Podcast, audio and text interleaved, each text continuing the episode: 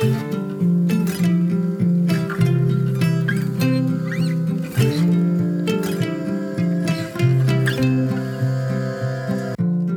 och välkommen till For Health med Anna Sparre. Idag ska vi prata om vikten av solljus. Solens effekter går långt bortom bara D-vitamin. Det räcker helt enkelt inte med att ta tillskott av vitamin D och att sedan sitta inomhus. Dessutom, de generella råden kring sol, solkräm och hudcancer är verkligen inte vetenskapligt underbyggda och gör därför troligen en hel del skada om det leder till att vi då istället får för lite sol. Du som lyssnar, du har väl varit inne på forhealth.se? Du vet väl att jag bloggar där varje dag och att du kan hitta både hälsoartiklar och mer information om mig, mina föreläsningar och annat på forhealth.se. Om du gillar det här avsnittet så blir jag så glad om du vill dela med dig av det till dina vänner och dela det gärna på Facebook eller Instagram. Det är nämligen det enda sättet att hålla podden levande så att du kan fortsätta få gratis information och lyssna på intressanta intervjupersoner. Stort tack på förhand! Något som hjälper oerhört mycket är om du går in i din podcastapp eller i iTunes och lämnar en recension av podden. Det har bland annat Malma 359 gjort, som skriver Jätteintressant! Mycket bra och intressant podd. Det är lätt att förstå och gör att man blir intresserad och vill veta mer. Tack snälla alla ni för att ni är så engagerade och lämnar betyg och recensioner och delar och sprider podden.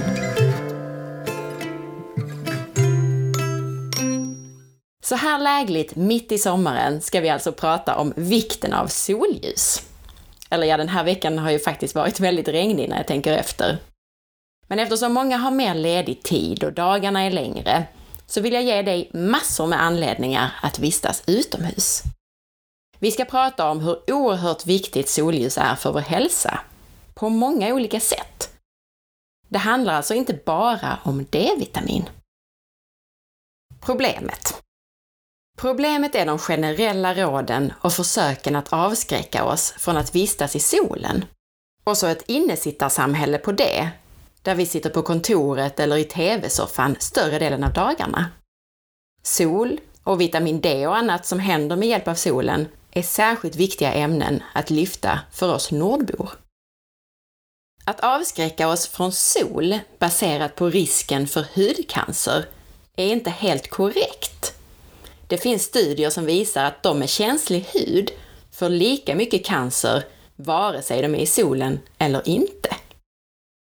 Att rödhåriga, rödblonda, fräkniga och ljushyade personer oftare drabbas av hudcancern malignt melanom det är välkänt.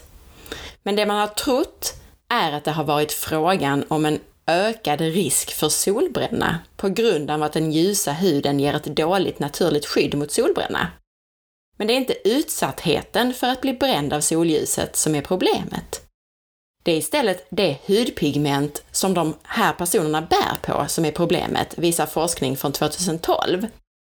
Själva pigmentet, feomelanin, bidrar till att malignt melanom utvecklas hos de rödhåriga, inte solljuset. Det man upptäckte var att de med det känsliga hudpigmentet lättare får typiska DNA-skador från så kallad oxidativ stress. Det är alltså denna oxidativa stressen och inte solljus i sig som ligger bakom malignt melanom hos den här gruppen människor. Vilket i sin tur kanske indikerar att det är bättre att skydda sig med rätt kost och att få lagom mängder sol för att få en stark kropp med tillräckligt av bland annat antioxidanter och andra nödvändiga ämnen för kroppen. Varför är solen så viktig nu då? Att undvika att vistas i solen kan vara en lika stor riskfaktor som rökning, stillasittande och övervikt när det gäller hjärt och kärlsjukdom och död. I en ny svensk studie så har forskare vid Karolinska jämfört risken hos kvinnor som solat mycket måttligt eller inte alls. Och det visar sig att de som inte solar alls löper en fördubblad risk att dö i förtid.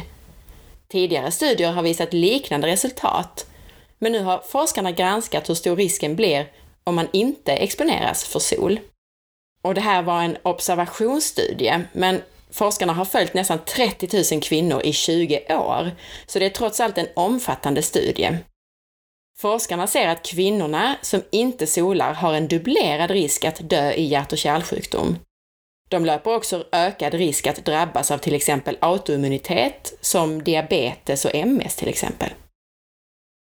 Så att undvika att vistas i stolen kan alltså vara en lika stor riskfaktor som rökning, eller stillasittande och övervikt då, när det gäller hjärt och kärlsjukdom och död, enligt den nya studien.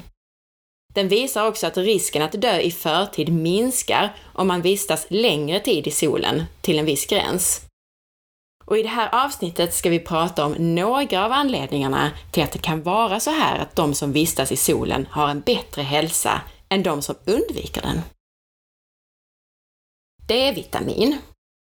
En huvudhypotes har varit kopplingen till D-vitamin. Och även om det är långt ifrån hela sanningen så kan vi ändå börja med just D-vitamin. Och dessutom så kan vi börja med att konstatera att det är bättre att få D-vitamin från solljus än från mat och tillskott. Även om vi ofta behöver tillskott åtminstone delar av året på grund av vår livsstil. D-vitamin, som inte bara är ett vitamin utan faktiskt ett hormon, bildas i huden av kolesterol när vi utsätts för solljus. D-vitamin behövs för massor med funktioner i kroppen, inte minst för ett starkt skelett, alltså för att motverka benskörhet. Studier visar bland annat att solljus och D-vitamin ger högre bentäthet, men även bättre nivåer av blodsocker, och dessutom så hjälper sol och D-vitamin mot olika sjukdomar, bland annat mot psoriasis. D-vitamin är också särskilt viktigt för immunförsvaret och det pratade jag lite mer om i avsnitt 89 som handlade om hur immunförsvaret fungerar och hur du kan stärka det. En studie från 2010 visade att äldre, som ofta har brist på D-vitamin, särskilt de som mest vistas inomhus på äldreboenden eller sjukhus, de kan öka sin muskelstyrka och rörlighet med mer D-vitamin. Det här var bara några exempel på D-vitaminets roll och kanske gör vi ett helt eget avsnitt om D-vitamin i höst. Men kom ihåg att solkrämer och kläder hindrar D-vitaminbildningen. Tänk på också att om du är mörkhyad så behöver du mer solljus för att bilda samma mängd D-vitamin jämfört med om du har ljus hy vi har ju utvecklats för att om vi bor långt uppe i norr så måste vi ha en ljusare hy för att bättre kunna absorbera den lilla sol vi får. Medan om vi bor närmare ekvatorn så behöver vi ha en mörkare hy för att kunna skydda oss och anpassa oss efter solens starka strålar. Du kan även få i dig en del D-vitamin via kosten genom att äta fet mat som till exempel fet fisk och ägg men nivåerna är låga jämfört med det man producerar själv med hjälp av solen. Men även den här faktorn, maten, har också varit ett problem de senaste tiotal åren när vi har levt i den stora fettskräckens samhälle, medan D-vitamin finns just i fet mat och dessutom produceras i huden med hjälp av kolesterol. Det vill säga problemet har varit att vi varken får tillräckligt med D-vitamin från solen eller från maten. Intressant i fettdebatten och D-vitamindebatten är att medan Norden överlag är hårt drabbat av benskörhet, där en uppmärksammad anledning är D-vitaminbrist, så är Grönland inte speciellt drabbade av benskörhet, trots att man inte har mer solljus än vad vi har här i Sverige. Men på Grönland så äter man rikligt med fet mat, som alltså också innehåller D-vitamin. När man har studerat den danska befolkningen, som troligen är jämförbar med den svenska, så kan man säga att nästan alla ligger under optimala blodnivåer av vitamin D. Och majoriteten ligger också under det som man räknar som miniminivå. Men som jag sa, hellre D-vitamin från solljus än tillskott om det går att välja. I en avhandling från 2011 beskrivs hur det saknas belägg för att D-vitaminintag via kosten eller som tillskott skulle minska risken för benskörhet. Det bör istället komma från solljus. Och från solen så får du dessutom långt mycket mer än bara D-vitamin, vilket vi kommer till nu. Sömn och hormonell balans. Personer kommer ofta till mig för att få kostråd och kan ibland bli förvånade när jag börjar med att fråga om de är utomhus på dagarna, hur och när de sover och så vidare. Varför gör jag det? Jo, det är saker som på ett mycket tydligt sätt styr dina hormoner. Och hormonerna styr ju i stort sett allt. Fettinlagring, fertilitet, mående och så vidare. Bland annat en ny stor kartläggning av människors vanor visar att dagsljus och sol ökar dina chanser till en god natts sömn. De som tillbringar mycket tid i solen lägger sig tidigare och vaknar senare jämfört med de som är inomhus hela dagarna. När vi är i solljus så ställer hjärnan in sig på vaket tillstånd, producerar mer serotonin och trycker undan hormoner som gör oss trötta, melatonin. När vi sen kommer in på kvällen så omvandlas serotonin till melatonin. Vi får en stark dos melatonin och blir naturligt trötta. Mer om det här med serotonin och melatonin kan du lära dig om i avsnitt 65, en intervju med Craig Hudson. Att vistas i dagsljus på dagen hjälper kroppen till sin normala dygnsrytm. Det hjälper för att de hormoner som påverkar sömnen ska utsöndras vid rätt tidpunkt och i rätt mängd. Tänk på att de celler som påverkar sömnhormonerna framför allt finns i eller bakom ögonen. Så gå inte omkring med mörka solglasögon hela tiden när du är ute. Att komma ut och få en ordentlig dos ljus på dagen gör alltså att vi får bättre melatoninutsöndring när det börjar skymma. Melatoninet, det viktiga hormon som styr dygnsrytm av så många andra hormoner och ser till att vi sover ordentligt. Det är det här som vi ofta kallar för sömnhormonet eller mörkerhormonet. Ljuset som träffar ögat när vi är ute i dagsljus leder signaler upp till det som kallas för SCN i hjärnan. Och SCN kommunicerar med tallkottkörteln och berättar när melatonin, alltså sömnhormonet, ska utsöndras. Melatonincykeln är i sin tur kroppens taktpinne. Melatoninet påverkar i stort sett alla andra hormoner och deras dygnsrytm. Det påverkar till exempel stresshormonet kortisol och dess dygnsrytm och det anabola hormonet testosteron och testosteronets dygnsrytm. Kort sagt så behöver vi alltså dagsljus på dagen, även om vi äter D-vitamintillskott, för att den hormonella balansen ska ha en chans. Även om jag i tidigare avsnitt har nämnt att temperaturförändringar kanske är ännu viktigare för sömnen och dygnsrytmen än själva ljuset, så är den bistra sanningen att vi i dagens samhälle inte berörs av temperatursvängningar överhuvudtaget. Och då blir solljuset otroligt viktigt för att ställa den biologiska klockan.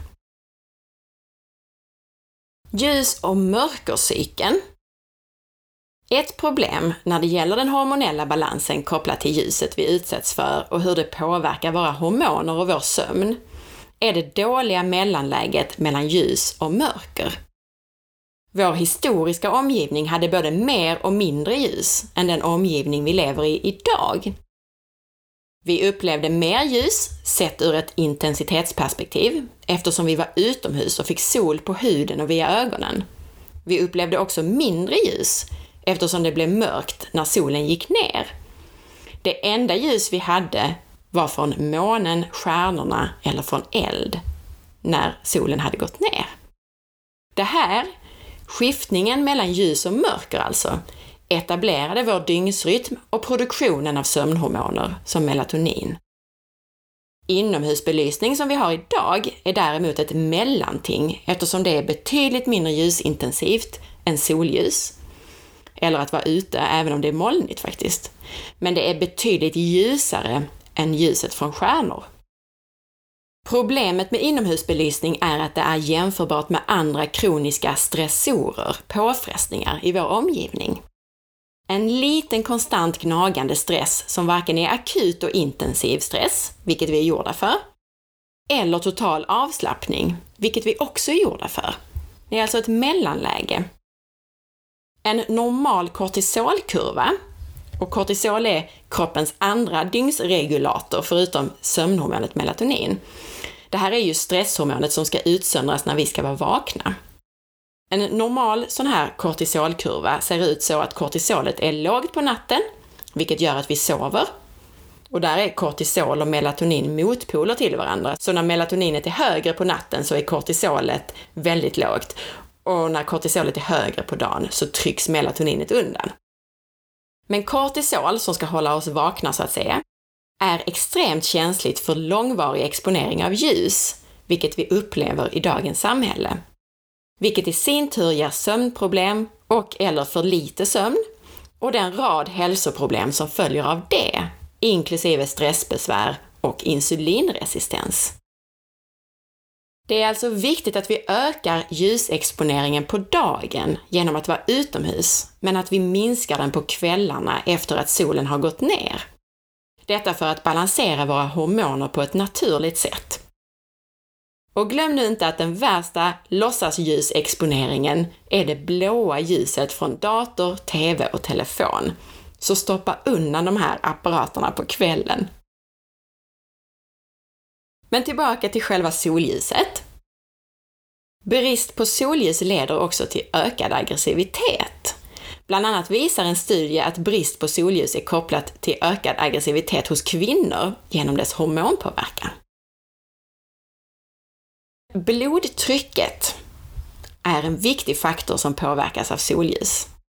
För studier visar också hur solljus påverkar just blodtrycket i positiv riktning. När huden exponeras för solljus så sänks blodtrycket. Och det kan vara en mekanism för hur solljus faktiskt minskar risken för hjärtsjukdom vid sidan av D-vitamineffekten. En riktigt häftig effekt i kroppen är att solning frisätter kväveoxid. Och kväveoxid är positivt för kärlsystemet. Lyssna gärna på intervjun med Peter Wilhelmsson i avsnitt 81 om du vill lära dig mer om hur du äter mat som gynnar din kväveoxidproduktion. Och i nästa avsnitt så ska vi även prata om hur andningen påverkar kvävenivåerna. Solen har en effekt på kväveoxid, NO, och det i sin tur, eller kvävemonoxid. Och det i sin tur bidrar till regleringen av blodtrycket. Det här kväveinnehållande ämnet är nämligen ett kärlvidgande ämne som finns i huden. När huden exponeras för solljus så frisätts kväveoxid som vidgar blodkärlen, vilket leder till en sänkning av blodtrycket. Häftigt, eller hur? Det är alltså inte bara D-vitamin som bildas med hjälp av solen. Idag lider ungefär 1,8 miljoner personer av högt blodtryck. Så ut i solen allihop och sänk blodtrycket och vidga blodkärlen. Hjärthälsa. Människor som bor där solens UV-strålning är lägre löper ökad risk att få hjärtinfarkt. Varför det är så är inte helt klart och det kan ha många olika orsaker, inklusive matvanor och D-vitaminbildning av solljus och kväveoxiden som jag nyss nämnde. Endorfiner. Ett annat sätt på vilken utomhusvistelse och solljus påverkar vår hälsa är med endorfiner. Kroppen har ett inbyggt belöningssystem med en endorfinfrisättning. Och endorfinerna minskar stressnivån i kroppen och både kronisk och akut stress är ju några av våra folksjukdomar så den här endorfinfrisättningen är super för hälsan. Närsynthet. Barn som ofta vistas utomhus blir mer sällan närsynta enligt en studie av en grupp kinesiska forskare. Den visar att barn som fått vara utomhus mer än andra barn i samma ålder i mindre utsträckning utvecklar närsynthet. Något som annars drabbar runt hälften av alla ungdomar som har vuxit upp i Kina. Varför det är så är inte helt fastställt, men att det händer blir mer och mer tydligt. Andra forskare har nämligen fått liknande resultat tidigare. I den kinesiska studien så deltog över 1000 barn med en snittålder på 6,6 år från sex olika skolor. I tre av skolorna fick barnen ett extra 40 minuters pass utomhus i veckan och deras föräldrar uppmanades att uppmuntra utomhusaktiviteter även under fritiden. Efter tre år så undersöktes barnen för att se hur många av dem som hade utvecklat närsynthet. Och de som hade vistats utomhus hade i färre fall utvecklat närsynthet. När vi är i 11-årsåldern så har ögonen vuxit färdigt. Vad man har sett världen över under senare år är dock att ögat fortsätter växa och blir för stort, något som orsakar närsynthet. När barnens ögon utsätts för solljus så frigörs signalsubstansen dopamin som stabiliserar ögats vägg och förhindrar att det växer för mycket på längden, vilken kan vara en förklaring till den här utomhuseffekten. Solljus och dagsljus stabiliserar ju dessutom våra hormonella nivåer och ger hormonerna rätt dygnsrytm. Bland annat tillväxthormoner som skulle kunna påverka tillväxten av ögat påverkas av solljuset. Dessutom så borde mer utomhusvistelse innebära mer fysisk aktivitet, vilket kan förbättra insulinkänsligheten och därmed minska tillväxten av ögat eftersom insulinnivåerna är lägre. Om du lyssnar på avsnitt 56 av podcasten så får du en bättre förklaring på det här med insulinkänslighet. Men insulin är ju ett tillväxthormon, så för mycket av den varan leder till onaturlig tillväxt nästan överallt i kroppen. Att vistas utomhus innebär troligen också mindre skärmtid, till exempel framför TV och dator. Att titta på kort avstånd för lång tid är onaturligt ansträngande för ögonen, som är gjorda för att ofta titta ut över landskapet. Så det kan också vara en faktor som påverkade studiens resultat när det gäller närsynthet. Mental hälsa Även din mentala hälsa påverkas positivt av solljus.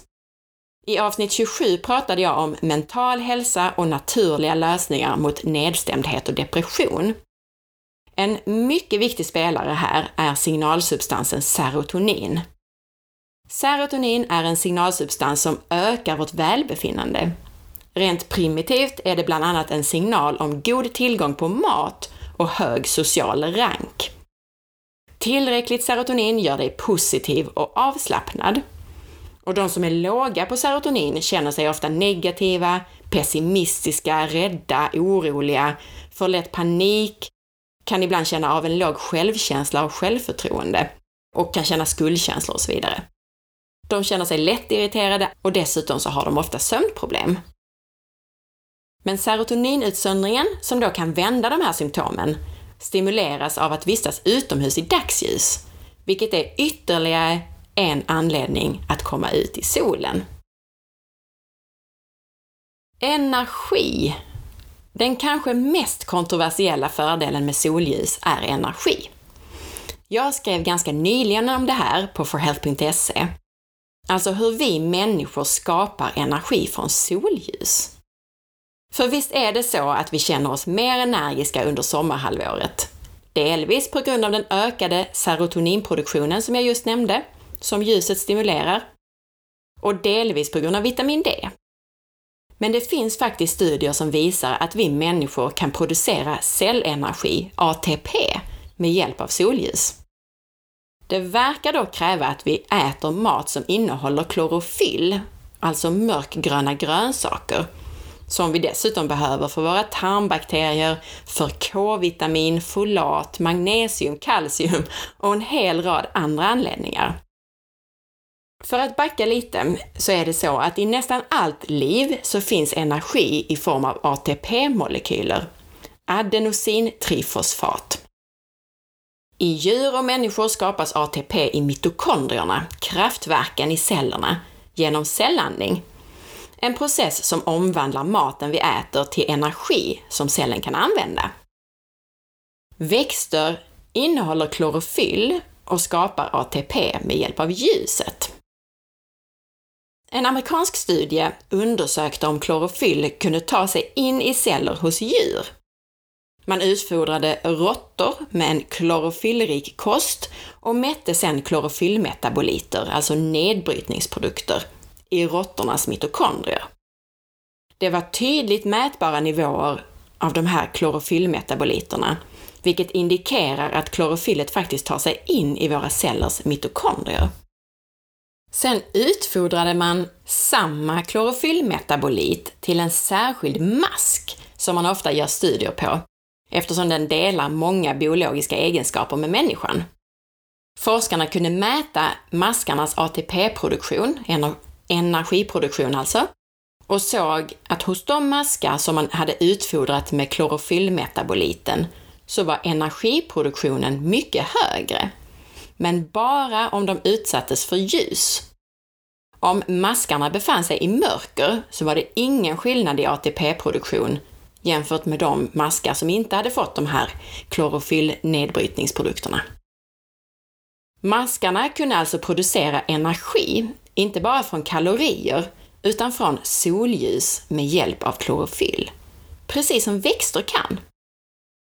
De här maskarna som hade fått klorofyll eller klorofyllmetaboliter, de levde också längre. Även andra studier har visat att celler hos däggdjur kan producera cellenergi genom exponering för solljus. Så kanske är det inte alls bara D-vitamin och serotonin som är anledningen till vår upplevda ökade energi under sommarmånaderna och den ofta minskade aptiten som ofta medföljer när det blir soligare och varmare ute. Har ni tänkt på det? Kanske handlar det här om att vi producerar en del av den energi vi behöver från solljus. Det skadar ju i alla fall inte att äta mer mörkgrön mat och att vistas i solljus. Och kanske är det rent av livsnödvändigt att göra det. Att komma ut har ju dessutom andra effekter än själva solljuset i sig. Naturen och de sommargröna färgerna har till exempel en avstressande effekt på kroppen. Och utomhusluften är generellt renare än inomhusluften. Så vad är nu anledningen till att solen verkar vara så viktig för hälsan? Att personer som vistas utomhus mycket lever längre? Är det möjligen en kombination av allt detta som vi har pratat om? Och kanske lite till? Sol och dagsljus är ju evolutionärt en naturlig del av vår tillvaro. Vi är gjorda för att vistas utomhus. Solkräm då? Den norska konsumentmyndigheten Forbrukerrådet har gjort ett stort test av solkrämer där man analyserade innehållet med hänsyn till tre områden. Hormonstörande ämnen var det första, det andra var allergiframkallande parfymämnen och det tredje var ämnen i nanoform, nanopartiklar. Alltså ämnen med mycket liten partikelstorlek vars effekter ännu till stor del är okänd. Långtidseffekterna är inte studerade och man pratar om att partiklarna tar sig igenom cellmembran och blod-hjärnbarriären. I det här testet så fick väldigt många solkrämer underkänt, inklusive solkrämer som riktar sig mot barn. Utav 35 testade solkrämer så fick bara ett fåtal godkänt inom alla tre områdena. 11 av krämerna innehåller ett eller flera hormonstörande ämnen 8 av krämerna innehåller ett eller flera allergiframkallande ämnen och 15 av krämerna innehåller nanopartiklar.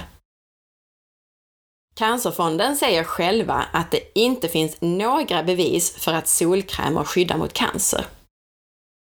Jag citerar från Cancerfonden som skriver så här. Solkrämer skapar en falsk trygghetskänsla som gör att man fortsätter vistas i solen även då huden har fått en för hög UV-dos.